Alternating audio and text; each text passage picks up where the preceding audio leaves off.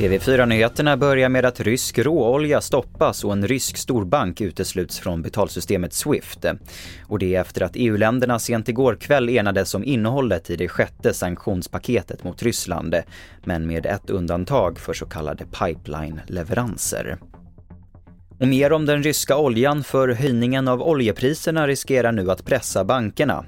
Men det är inte bara EU-sanktioner som höjer priserna menar experter utan också efterfrågan på olja. Christian Kopfer är råvaruanalytiker på Handelsbanken. Och vi har sett det att Kina och Indien har eh, i allt högre utsträckning köpt eh, numera rekordmängder av rysk olja eftersom övriga världen inte vill, vill eh, ha den. Ehm, och eh, det grundläggande problemet är att världen som helhet efterfrågar förmodligen snart mer olja än vad den någonsin har, har gjort tidigare. Eh, så det är det grundläggande problemet och så länge som vi har en sådan situation som det ser ut att hålla i sig, eh, i alla fall under de närmsta åren, så är, är det ju risken stor att vi får se allt högre priser. Till sist att de ovanligt långa köerna på Arlanda ska diskuteras idag. Flygplatsägaren Swedavia har kallats till riksdagens trafikutskott för att prata om problemen som pågått flera veckor.